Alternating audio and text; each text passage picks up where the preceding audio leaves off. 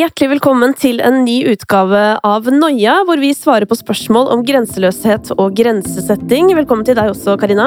Takk. Du, Denne uken så har vi fått inn noen veldig viktige spørsmål som jeg tror veldig mange kan ha nytte av å få svar på, så jeg tenker at vi skal bare sette rett i gang.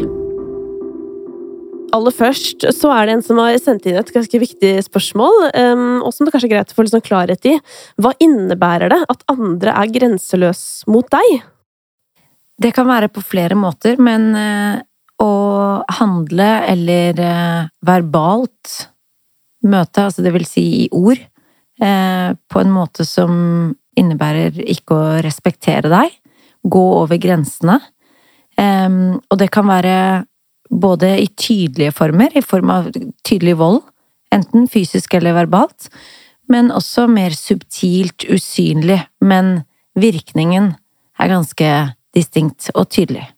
Det kan være for eksempel stadig nedsettende kommentarer, kritikk, det kan også være manipulasjon, at man sier noe for sin egen vinnings skyld, eller gjør noe, forsøker å skape en situasjon som er til sin egen vinnings skyld. Mm, og dette er jo ting som kan være vanskelig å observere der og da.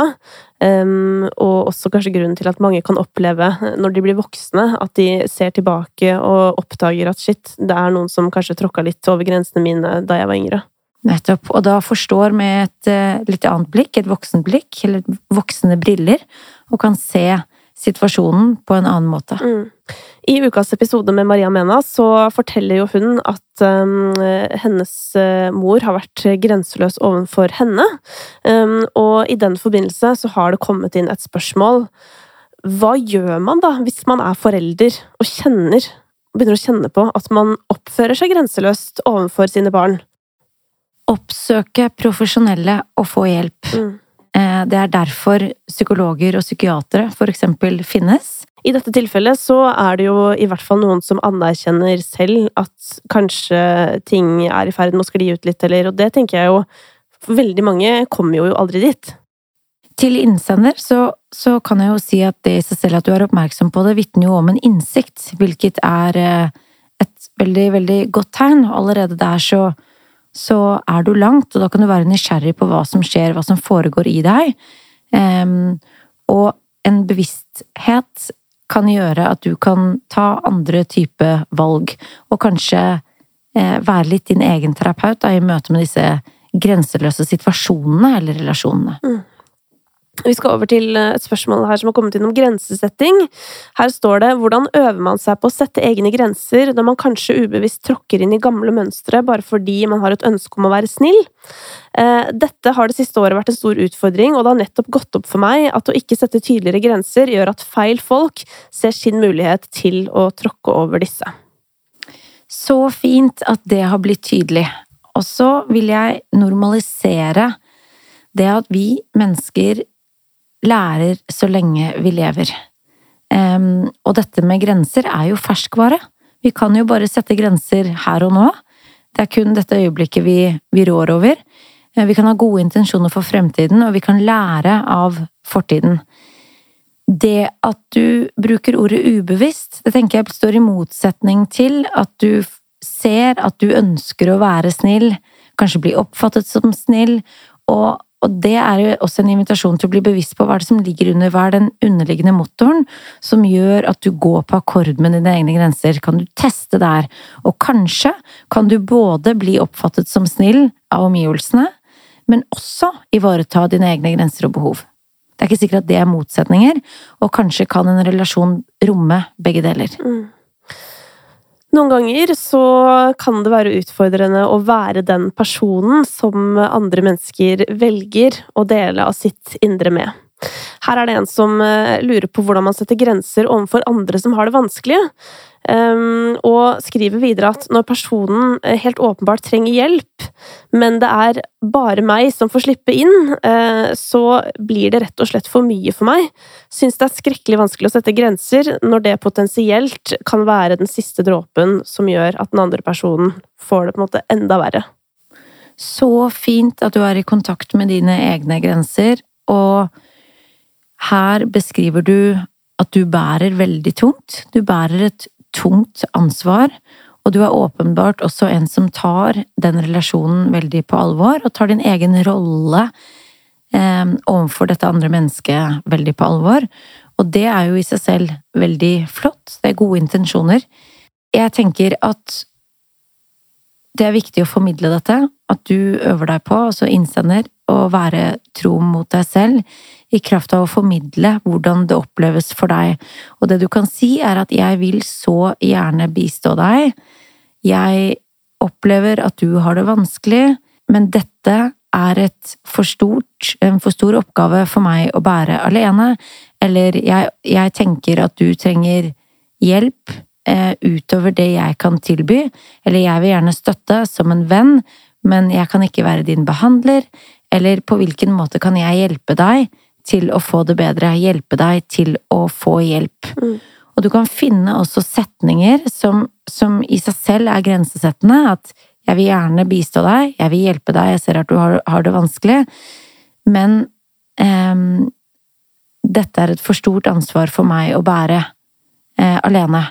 Og så kan du også stille spørsmålet andre vei, det vil si til til dette mennesket som, som, åpenbart trenger hjelp, at hvis det var omvendt, hvis det var jeg som hadde det sånn som du har det nå, og du opplevde å uh, bære store deler av ansvaret for meg, og at jeg ikke kanskje ønsket å, å få hjelp, eller at jeg led under det jeg nå led under, hva ville du gjort? Hva ville du gjort i min situasjon, hvis det var omvendt? Mm.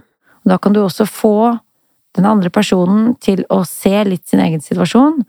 Um, se hvilken situasjon dere som relasjon står i sammen. Mm. Jeg tenker også at som venn eh, så kan man jo være liksom nettopp det ytre fokuset som veldig mange trenger når de har det vanskelig. Man kan ta med vennene sine på, ut på tur eller gjøre noe gøy sammen. Snakke om liksom andre ting enn bare det vonde eller sykdommen, da. Og jeg har jo opplevd sjøl å bli satt grenser til av min samboer. Eh, så til eh, innsenderen av dette spørsmålet så har jeg lyst til å også trygge deg litt i det at det kan godt hende at det at du faktisk setter grenser, nesten oppleves som en gave ovenfor de som er rundt deg, fordi det føles på en måte bra for meg å vite at mine pårørende også ivaretar seg selv. Det kan på mange måter, som du sier, Kristine, være den beste form for behandling. Mm. Eh, å fungere som ytre fokus, fungere som klare og tydelige grenser. Det kan hende at de der og da kan provosere litt eller skape en reaksjon, men helt klart, i det lange løp, ha en positiv virkning. Mm. Og heller virke tillitsskapende.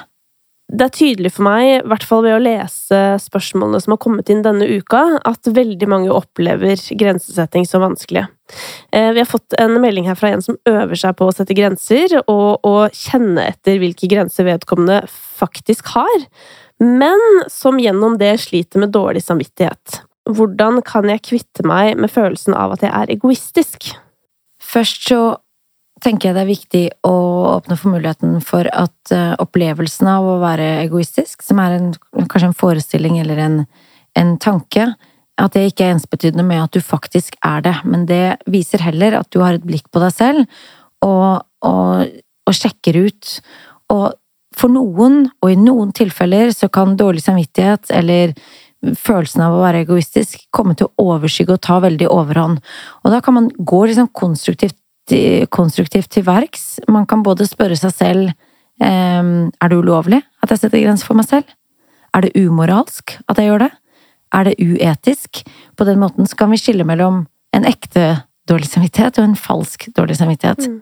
Vi kan også involvere nære i omgivelsene i vårt eget prosjekt og si jeg lider ofte under dårlig samvittighet eller følelsen av å være egoistisk. Eh, og trenger å jobbe litt med det for å finne ut av hva, hvilke grenser som er jeg kan sette for meg selv, når det er greit, og så videre. Og på den måten be om bistand fra, fra nære og fortrolige i omgivelsene. Eh, og være nysgjerrig på det. Og det i seg selv, at du er redd for å være egoistisk til innsenderen, det er vel et ganske tydelig bevis for at du faktisk ikke er det. Et siste poeng er at for at du skal kunne være noe for omgivelsene dine, være noe for andre, så blir du nødt til å være noe for deg selv først. Du kan ikke gi noe du ikke har. Så kanskje er det en kontinuerlig øvelse, og at vi alle bare øver oss eh, så godt vi kan gjennom livet. Vi skal over fra følelsen eh, av å være egoistisk til en eh, kanskje enda sterkere følelse, nemlig sinne. For det er en som skriver at jeg ender alltid med å føle mer angst fordi jeg går med på ting og ikke klarer å si ifra, eller at jeg sier meg enig i det andre sier, selv om jeg selv ikke er det. Eh, og dette handler da spesielt om hva andre mennesker mener om vedkommendes møte med egen angst. Eh, hvor da vedkommende blir fortalt sånn du er altfor mye inne eller du er altfor mye alene, men hvor innsender opplever at vedkommende gjør så godt vedkommende kan.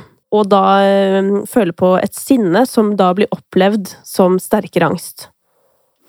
Ja, og, og det at sinne kan oppleves som angst, er ikke et uvanlig fenomen, for det er ganske aktiverende. Det er masse energi og beredskap i sinne. Sinne er en naturlig og konstruktiv følelse som hjelper oss til å sette grenser, nettopp i kraft av å skape energi inni oss. Det kan føles ganske ubehagelig. Jeg tenker at det sinnet er et ganske tydelig signal til deg som, som sender inn dette, om at grensene dine overskrides. Og det er en gyllen anledning til å faktisk handle på de, ehm, og, og, fortelle hvordan du har det med det, og hva som er din opplevelse. Og stå ved det. Mm. Da kan du finne en eller to setninger igjen, og, og gjenta. For eksempel, det blir ganske tydelig. Jeg tenker også at uh, i vår verden uh, så er vi jo ganske sånn ydmyke og stille og rolige folk som helst skal gå stillest i gangen. Um, og det tenker jeg jo at kan gjøre at folk blir nesten engstelige i seg. Altså det her med at når man kjenner på sinne, da, og hvis det får på en måte ligge inne og aldri komme ut, så blir jo det en slags angst. Eller det blir det i hvert fall for meg. Det kan for mange oppleves som en slags angst, som en slags uro eller ubehag. Mm. Ja, og det er jo sånn i hvert fall um, det er jo noe jeg har lært meg til, at når jeg kjenner den aktiveringen, som du sier ligner ganske mye på angst, da må det enten løpes, eller da må noe gjøres da, for å få den energien ut, fordi det er en veldig sterk følelse. Det kan i hvert fall være godt for mange å få lov til å bruke, bruke energi, eh, og få utløp for det. Mm. Eh, Maria fortalte jo at eh, når hun eh, fikk grensene sine tråkka på, så har det resultert i en litt ekstrem grensesetting til tider. Det være seg å dumpe masse venner og andre ting. Men så var hun opptatt av dette med at man kan jo få tilgivelse for å ha vært kanskje litt vel sint, da, eller litt vel flink til å si ifra. Hva vil du si til folk som tenker at det er altfor skummelt å skulle slippe den derre indre, det indre sinnet fri? Ja, jeg tenker at det handler jo om å åpne opp for at eh, du også har grenser. At det er, at det er lov og greit å sette grenser. Og dersom man har vært i en relasjon, ehm, eller relasjoner, hvor man har blitt tråkket over grensene til, så, så er det klart at begeret er fullt. Og da er det dråpen som, som avgjør at man kommer til å reagere litt vel voldsomt, og da kanskje bli litt vel tydelig. Mm litt vel sint kanskje oppleves som aggressiv, og så kan man, så kan man forklare det. Og gode venner, de tåler det. Mm. Det kan da bli et undertrykket behov for faktisk å bli sett og tatt hensyn til eh, med en respekt. Så være raus og omsorgsfull også med deg selv i en sånn overgangsfase hvor du øver deg på å sette grenser, og teste litt også hvordan omgivelsene reagerer på det, og kanskje til og med innlemmer det i prosjektet ditt. Sånn at eh, dere kan ha litt et prosjekt også sammen. Et sånt prosjekt har jeg faktisk gående, uh, as we speak, ja. holdt jeg på å si. Hvor jeg har um, innlemmet de jeg omgås med til daglig. At jeg også driver og prøver meg litt på grensesetting om dagen. Så får vi se hvordan det går. Men jeg merker jo sjøl òg at uh, det sitter fortsatt liksom litt langt inne å si fra eh, hver gang på en måte magefølelsen sier noe annet enn fornuften. Men, men. Vi får fortsette å øve oss. Tusen hjertelig takk til alle som har sendt inn spørsmål, og husk at dersom ditt spørsmål ikke ble besvart, så skyldes det enten at spørsmålet ikke handla direkte om grensesetting eller grenseløshet, eller at det er for komplisert til å bli tatt opp i dette forumet. Husk at dersom du trenger hjelp, så kan du nå nærmeste legevakt på telefonnummer 116 117, og så kan det jo hende at du får svar på det du lurte på i neste uke, for da er temaet posttraumatisk stresslidelse. Og da skal vi få besøk av modige Henriette, som deler sin historie. Tusen takk til Rådet for psykisk helse og Ekstrastiftelsen, som samarbeider med oss om dette prosjektet.